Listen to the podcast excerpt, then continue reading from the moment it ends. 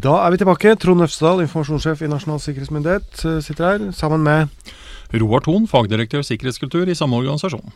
Sikkerhetsklarering, Roar. Det er i vinden. Hva er det?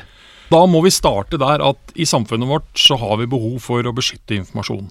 Og det har vi også fra, som enkeltindivider, eh, som bedrifter og virksomheter, og også som samfunn. Og staten, Norge, har da et system eh, som man kaller sikkerhetsgradert informasjon. Det er til syvende og sist hemmeligheter. Eh, og det er delt inn i fire nivåer. På det laveste nivået så er det begrenset, Konfidensielt. konfidensielt. Veldig vanskelig ord, Det veldig vanskelig ord. Uh, det er hemmelig, Mm. og det er strengt hemmelig. Ja. Disse har altså Jo høyere man nok kommer opp på den stigen, jo alvorligere konsekvenser kan det være for det man da kaller rikets sikkerhet, dersom dette skulle bli kjent. Mhm. Eh, for de menneskene som skal behandle den type informasjon, da, Mhm. så må man også være sikkerhetsklarert. Man blir sikkerhetsklarert for tre av disse nivåene. eh, For konfidensielt, for hemmelig og strengt hemmelig. Og For å få tilgang til det laveste nivået, begrensa, så må man egentlig bare ha underskrevet en taushetserklæring, og så må man bli såkalt autorisert, noe jeg skal forklare hva er om litt. Ja. Hvor mange mennesker er det, Roar, som går rundt og har denne en eller annen form for klarering i Norge i dag? Det er ca. 110 000 mennesker sånn til enhver tid som går rundt med en gyldig nasjonal sikkerhetsklarering. Mhm. Eh, og flesteparten av de, de er klarert for hemmelig, ca. 90 000. Mhm. Så er det ca. 10 000 som er klarert for strengt hemmelig, Ja. som er det høyeste nivået. Ja. Og så er det ca. 10 000 mennesker som er klarert for konfidensielt. Nettopp. Men en ting som er viktig å forstå, for jeg nevnte dette med autorisasjon i stad. Ja, Autorisasjon, ja, er det noe annet, det da? Ja, altså det er det, men det er en ekstremt viktig del av dette med, med klarering.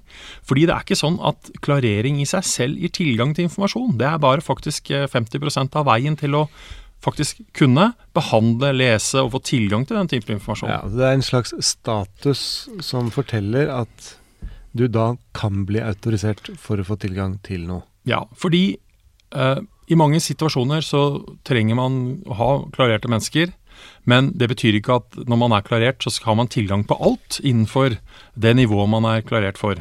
For det er litt sånn basert på dette man kaller need to know, da. Ja. Uh, og så er det heller ikke sånn at enkeltpersoner kan be om å bli sikkerhetsklarert. Altså jeg kan, ikke, jeg kan ikke si at det hadde vært veldig ålreit for meg å vært klarert for strengt hemmelig. Eh, Det er det faktisk arbeidsgiver som må på mange måter vurdere ut ifra hva slags informasjon jeg skal behandle. Så det er det behovet der som styrer eh, behovet for klarering. Ja. Og så er det faktisk å forstå at det å være sikkerhetsklarert, det er, eh, det er ikke et gode. Det er faktisk et nødvendig onde som vi kan bli utsatt for i jobbene våre. For det er ikke nødvendigvis alle som kan få. Nei. Men for å ha en jobb hvor man må være sikkerhetsklarert, så er det ingen vei utenom. Nei, da er det ingen ut vei utenom.